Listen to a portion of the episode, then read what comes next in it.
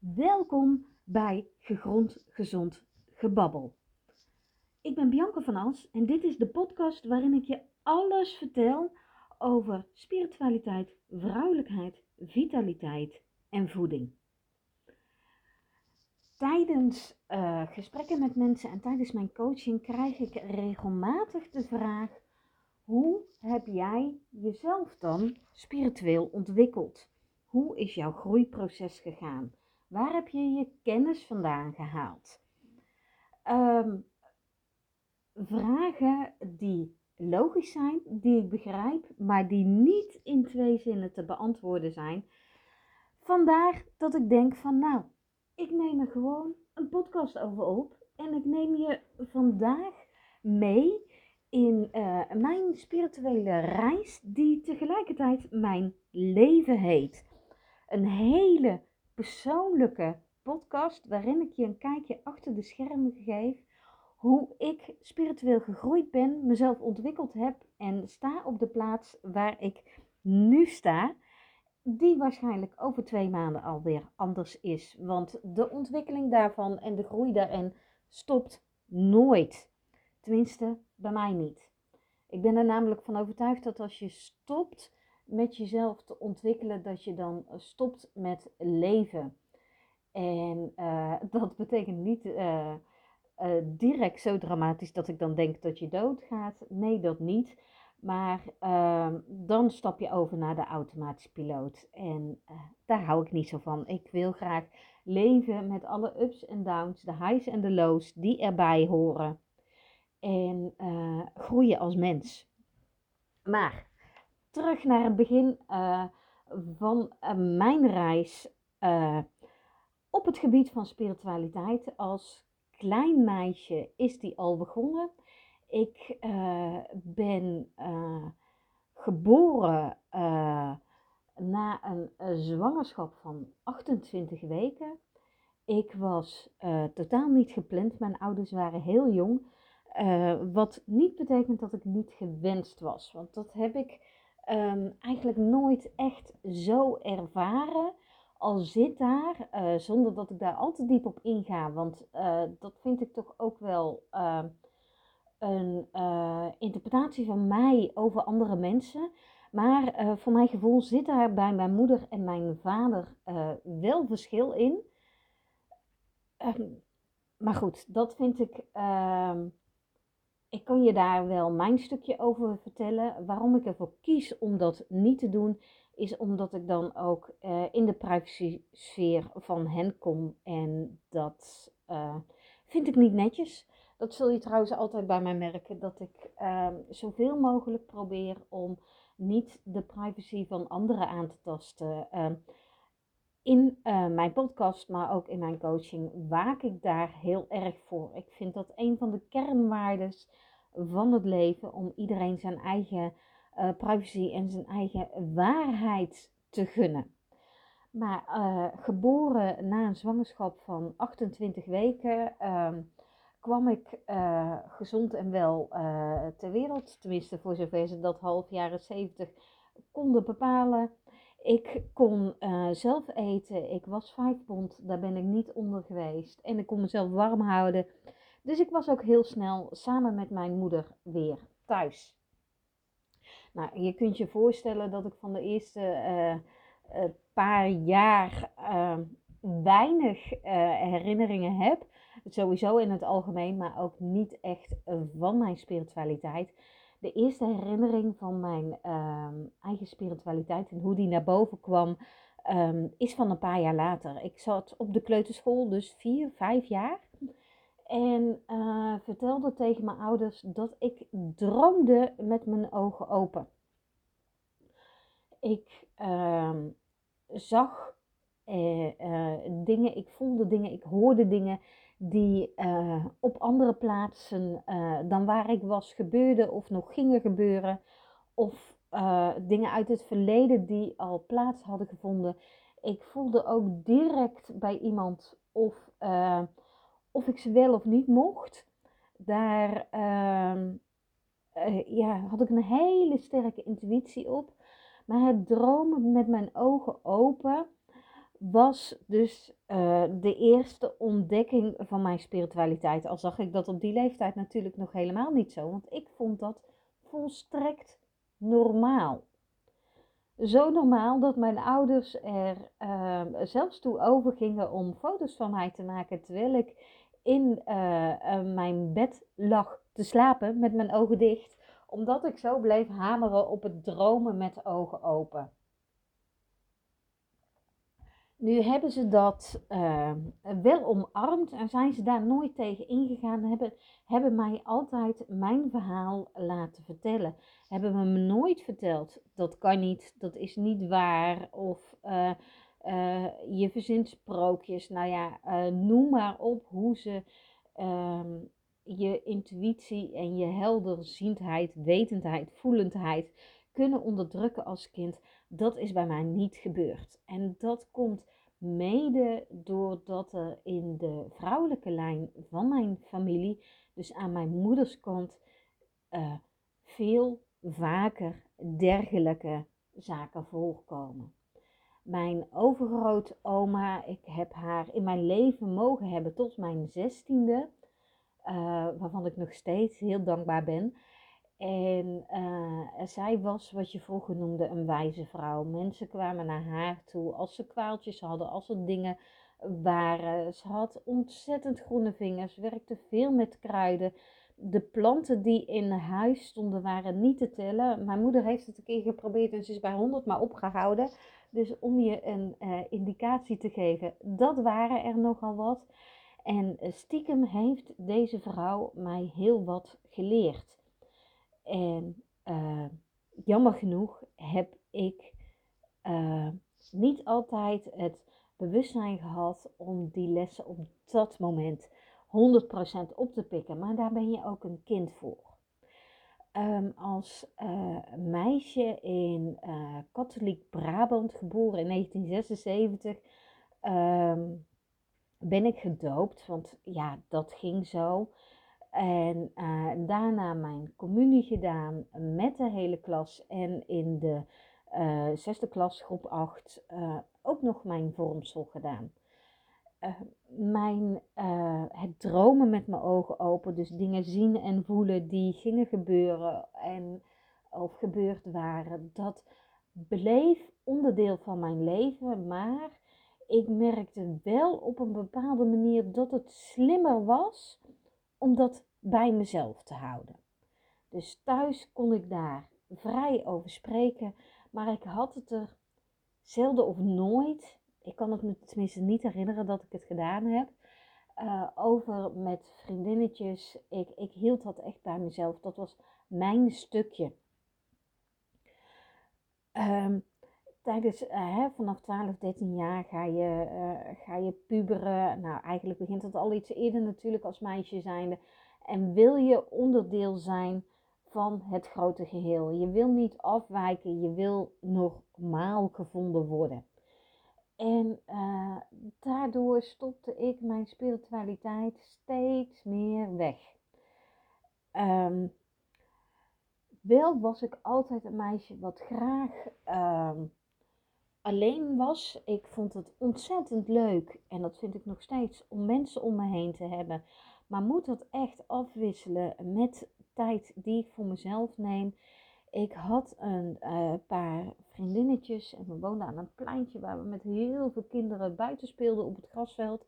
Dat vond ik super leuk, maar ik kon ook heerlijk op mijn kamertje zitten en verdwalen in een boek wat ik aan het lezen was. Of um, mijn creativiteit loslaten op een vel met wit papier. En geloof me, um, het tekenen is niet mijn grootste talent, maar ik vond het wel heel leuk.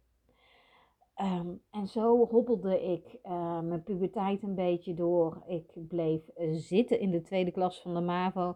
En niet omdat ik het niet kon, maar puur omdat ik alles en iedereen, en vooral de jongens, interessanter vond dan de man of vrouw die voor de klas stond.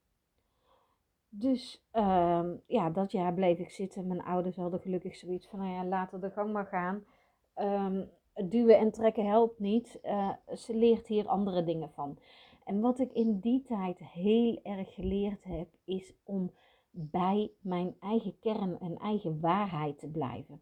Want hoewel ik me op dat moment niet echt bewust was van mijn spiritualiteit, had ik wel een hele sterke eigen wil en eigen waarheid. Ehm, als iets over mijn grenzen heen ging, dan deed ik daar ook niet aan mee. Wat anderen ook zeiden, ze konden me niet overhalen. Mijn nee was op dat moment nee. En uh, ja, ik vind dat een kracht en ben blij dat ik uh, die sterkte in me heb. En dat doe ik overigens nog steeds. Als ik echt ergens van overtuigd ben, ben ik niet zomaar om te praten. Op mijn zestiende kwam de shift waardoor uh, alle kanalen uh, naar boven en mijn spiritualiteit uh, weer tot bloei kwam. Alles ging weer open. Mijn overgrote opa, zoals ik je al verteld had, mijn overgrootoma was een hele wijze vrouw. Mijn overgrootopa die kwam in het ziekenhuis terecht en die hield dat veel langer vol dan iedereen en alle, uh, alle artsen, de familie om hem heen, gewoon dan iedereen zich had kunnen voorstellen. Hij liet mij de ware kracht van de geest zien. Zijn voornemen was: ik ga niet dood voordat mijn vrouw dood is. Hij zei dat op zijn plat Brabants: ik ga niet voor zijn moeder weg is. die hielden dat voor onmogelijk. Tenminste, ik dacht er zelf niet zo over na. Maar de, uh, de artsen zeiden van ja, dat, dat kan helemaal niet. Ah, hij heeft het daar volgens mij niet echt tegen uitgesproken. Maar hij hield zich heel erg vast aan het leven. Hij hield zich zo erg vast dat zijn lichaam aan het afsterven was. Zijn benen zijn beetje bij beetje afgezet, maar hij bleef leven. Hij heeft negen maanden in het ziekenhuis gelegen en hij hield het vol tot het einde. Uh, en het einde, dat is dan het overlijden van mijn overgrootoma. Daar, uh, zij ging natuurlijk al uh, maanden lang, eh, dag in dag uit naar het ziekenhuis om haar man te bezoeken. En eh, opa ging af en toe ook naar huis. Dan mocht hij een dagje in de rolstoel thuis zijn. Maar ja, thuis wonen kon niet meer. En een verpleeghuis, daar was hij toch eigenlijk echt te slecht voor. Dus hij bleef in dat ziekenhuis. Huidige tijd zou het misschien anders gegaan zijn. Want nu iemand negen maanden in een ziekenhuis. Ik zie het niet zomaar meer gebeuren.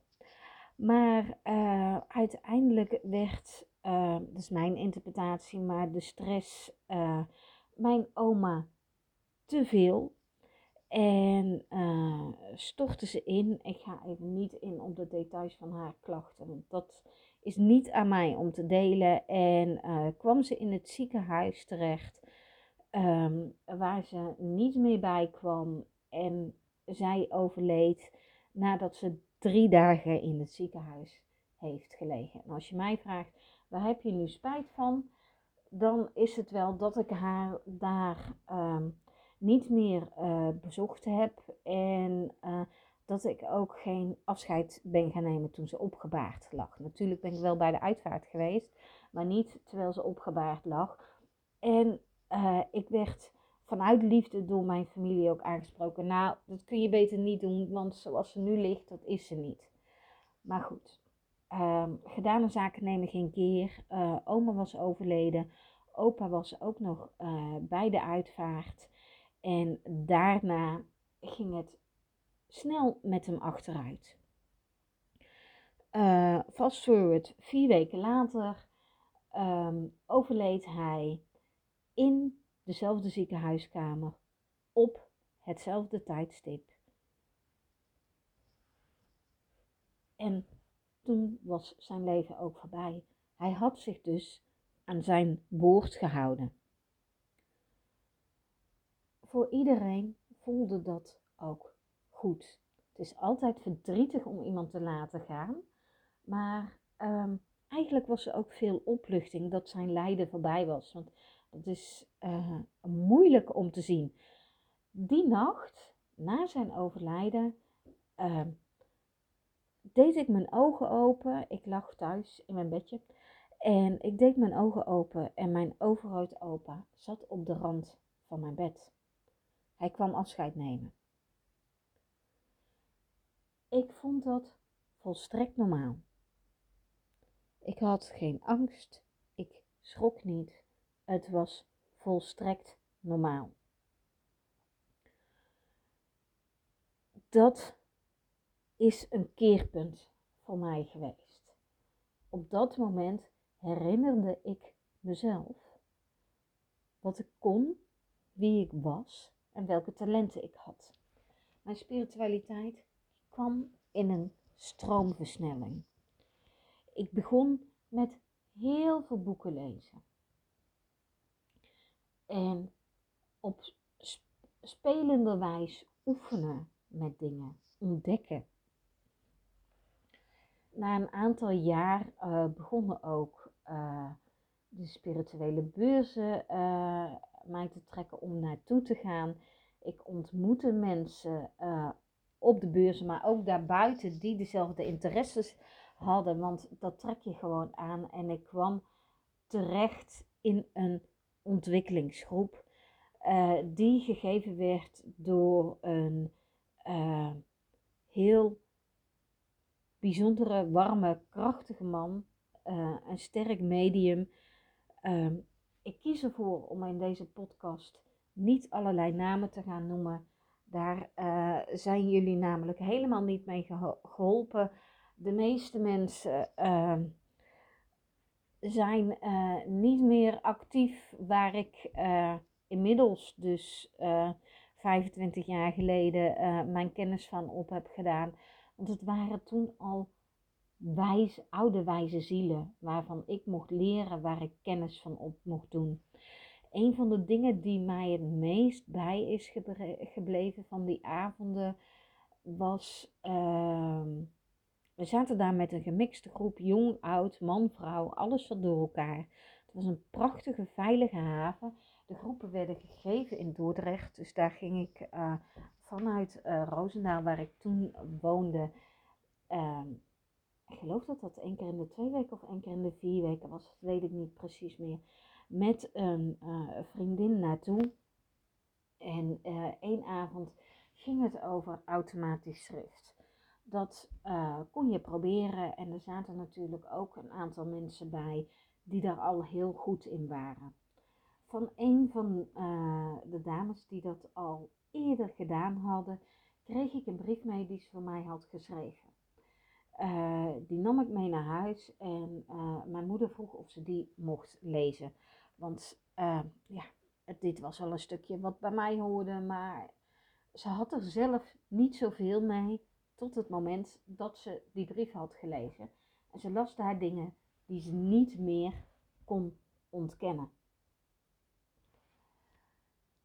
Dat was het moment dat ze volledig omarmde dat er meer is dan dat je met het blote oog kunt zien. Dus ook zij accepteerde op dat moment volledig de spirituele wereld. Ze had me altijd geaccepteerd in oké, dat is van jou. En uh, jij mag zijn wie je bent, want daar kwam, kwam het in principe op neer. Maar op dat moment omarmde zij de spiritualiteit ook veel meer.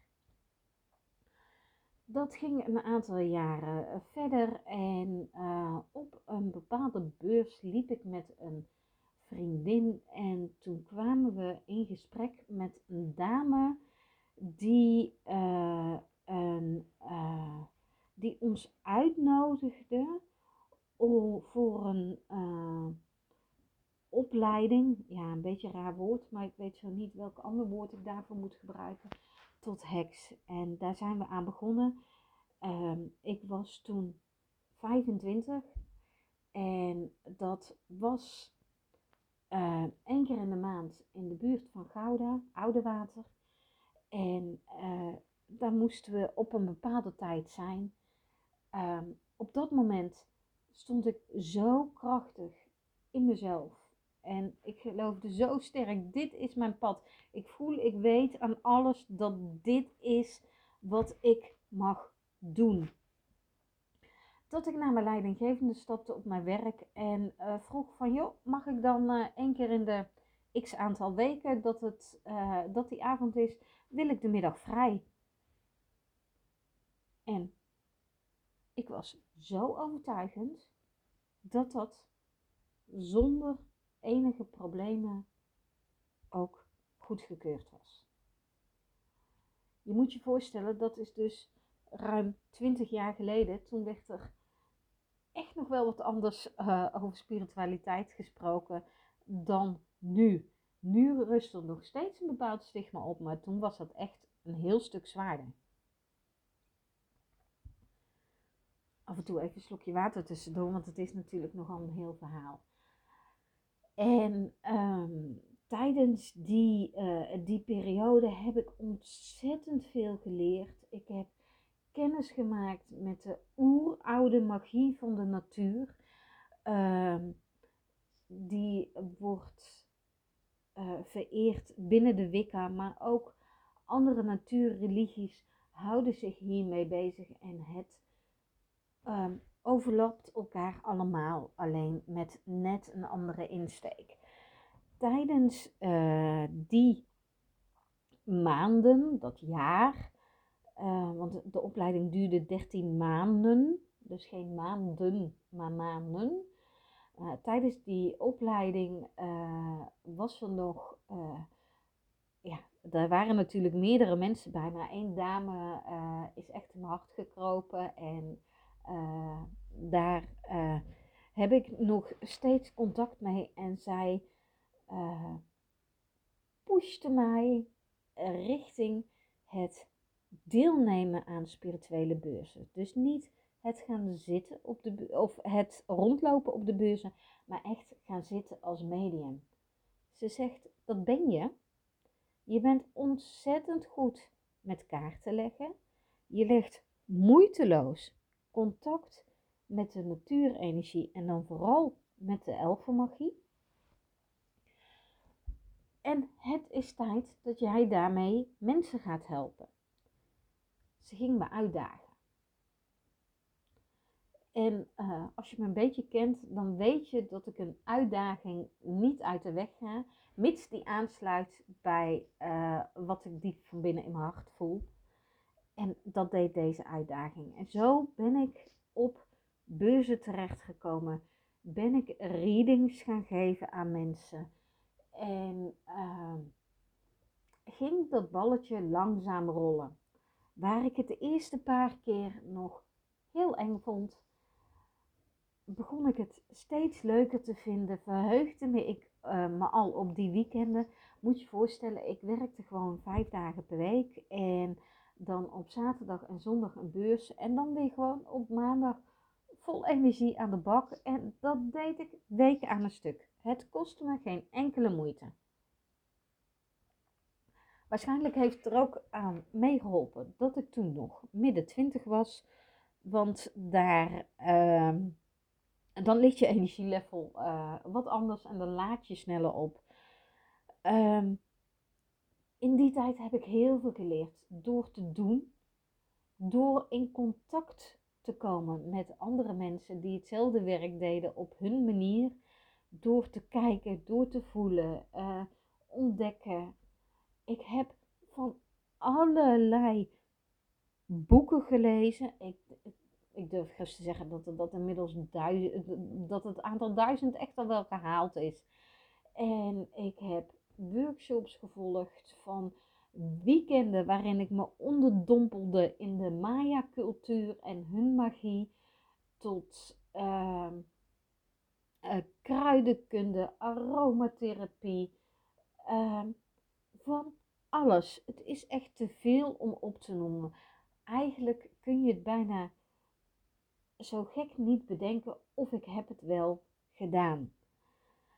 Uh, het groeide en het groeide. En um, ik kwam op een punt van, ja, ga ik er mijn bedrijf, uh, ga ik er nu mijn, uh, mijn missie van maken? Ga ik me daar alleen maar mee bezighouden? Of um, blijf ik het zien als een leuke hobby waarmee ik mensen kan helpen. Nou, op dat moment, ik was een jaar of 8, 29, viel de keuze op van het blijft een hobby. En uh, ik was er wekelijks mee bezig. Mensen kwamen bij mij voor readings. Ik gaf ook uh, cursussen op een zaterdagmiddag, ontwikkelingsavonden. Ik genoot met volle teugen. En toen kwam er de klad in. Ik was uh, eh, 30 en uh, mijn ouders uh, waren ook 30 jaar bij elkaar. bij elkaar. Die zijn getrouwd omdat ik kwam. Zo ging dat destijds in katholiek Brabant. En mijn ouders kwamen vertellen dat ze uit elkaar gingen. Nu moet ik zeggen, het was voor mij geen verrassing. Want uh, ik voelde al heel lang dat het niet klopte en uh, dat ze beter af waren uh, als ze allebei hun eigen weg gingen. Maar wat bij mij altijd heel erg belangrijk is geweest, is eerlijkheid en oprechtheid. Mijn eerste vraag was dan ook, nadat ze het verteld hadden, en ze vroegen: Ben je verrast? Nou, het antwoord was dus nee. Maar toen zei ik: Ik wil jullie wel iets vragen. Heeft een van jullie een ander? Want ik voelde dat in mijn onderbewustzijn, er speelt nog iets anders. Daar werd nee op geantwoord. Ik zeg: Nou, ik zeg: Prima. Mocht het wel zo zijn, en je wil dat nu niet zeggen waar de ander bij is, uh, dan hoor ik het alsnog graag, want ik wil het gewoon alleen weten. Ik ga niet oordelen, ik wil het weten. Ik wil weten hoe de vork in de steel zit. Ik wil weten wat er aan de hand is en uh, wat er allemaal speelt. Het antwoord bleef nee en uh, dat was een antwoord wat achteraf gezien dus inderdaad niet waar was. Um, mijn eh, vader bleek een verhouding te hebben met uh, de vrouw die ik op dat moment mijn beste vriendin noemde. Wat ze in mijn ogen ook was. Die aan mijn ouders had gevraagd of ze uh, opa en oma wilde zijn voor haar kinderen, omdat ze geen contact meer had met mijn moeder. En uh, je kunt je voorstellen dat toen dat uitkwam, uh, dat er een, uh, ja, een hoop ellende loskwam. Ik heb. Ehm, ik zat zelf in de knoop, want ik werd natuurlijk langs twee kanten onderuit geschopt. Hè? Eh, door, door de scheiding van mijn ouders en het feit dat mijn vader loog. Want ook al ben je volwassen, een scheiding meemaken van je ouders is altijd echt altijd iets wat je totaal uit je evenwicht brengt. Daarbij uh, doet leeftijd er niet zo heel veel toe. Maar dan ook nog eens door mijn beste vriendin. Want de persoon waar je normaal gesproken naartoe gaat om je verhaal kwijt te kunnen, om je hart te luchten, om uh, steun te krijgen, om die knuffel te krijgen, ja, die was ook onderdeel van het probleem heftige periode. Ehm, ik heb toen zelfs mijn moeder bij mij in huis gehaald, want die woonde uh, nog bij mijn vader, ja logisch. Uh, en ik vond dat ze daar weg moest. Um, en op dat moment gaf ik incidenteel nog een consult, maar dat, dat deed ik met alle liefde en die gingen ook altijd goed, begrijp me niet verkeerd. Maar ik stopte daar geen energie meer in. Ik, uh, ik was druk bezig om um, wat er van de familie over was staande te houden. Om uh, mijn moeder, die al uh, tenger is van zichzelf, uh, echt gewoon letterlijk uh, ervoor te zorgen dat ze genoeg eten binnenkreeg. Want zij viel ontzettend af door de spanning en werd eng mager. Dus mijn focus was even af van het spirituele. Ik gebruikte het nog wel voor mezelf, maar uh, en af en toe voor een ander. maar dat werd minder en minder. Dat heeft een paar jaar geduurd en toen begon het toch weer te kriebelen. Dus ik ging weer meer lezen, ik ging weer meer doen. Uh, ik uh, gaf af en toe een reading, maar het grootste podium pakken, dat voelde op dat moment niet goed. Het was even tijd om zelf weer volledig in balans te komen. En daar kwam ook het stukje voeding om de hoek kijken. Want uh, ik was veel te zwaar. En uh, ik at verkeerd. Ik zorgde niet goed voor mezelf. Daardoor kon mijn spiritualiteit ook niet stromen.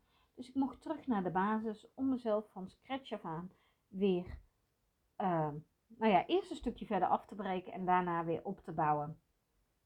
Daar heb ik ook hulp bij gezocht bij een spiritueel therapeut en ik ben haar nog steeds dankbaar voor hoe zij mij weer uh, heeft geholpen om terug op de rit te komen. Ik zal niet zeggen hoe zij mij terug op de rit heeft gekregen, want uiteindelijk doe je dat altijd zelf. Um, een paar jaar terug begon het echt weer te kriebelen van ja, ik heb een gave. Ik weet wat mijn missie is in dit leven. En dat is toch echt vrouwen verbinden met hun ware natuur en moeder aarde. Met hun spiritualiteit, met de scheppende kracht die iedere vrouw in zich heeft. Um, die tot uiting mag komen. De energie die zo hard nodig is op aarde op dit moment. Eh, waardoor er wonderen kunnen gaan gebeuren. En waardoor uh, alles en iedereen op aarde een gigantische shift gaat maken. Dat is mijn missie, om daaraan mee te helpen, om dat te realiseren. En als ik die missie wil voltooien, is het noodzakelijk dat ik zelf weer op het podium stap. Um, het stukje voeding was er ook nog steeds en uh, mijn opleiding was klaar. Ik schreef me in uh, bij de KVK om mijn bedrijf te starten en besloot vanaf dag 1, ja, ik ga er ook weer readings bij geven. Op dat moment was dat gewoon van, ja, dat vind ik leuk om te doen en dat kan ik goed. Ik heb het gemist, dus ik ga het weer doen.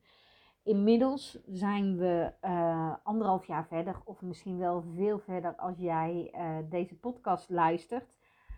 En uh, is er bij mij ook een innerlijke shift gaande.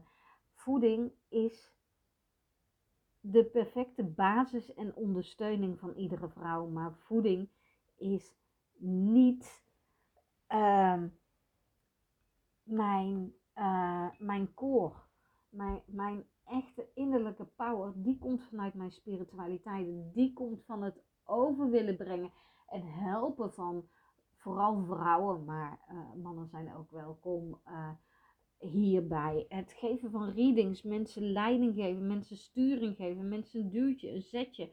Om zelf weer die kracht en dat podium terug te pakken. En nog steeds verdiep ik me iedere dag in het leren van nieuwe dingen op het vlak van mijn spiritualiteit.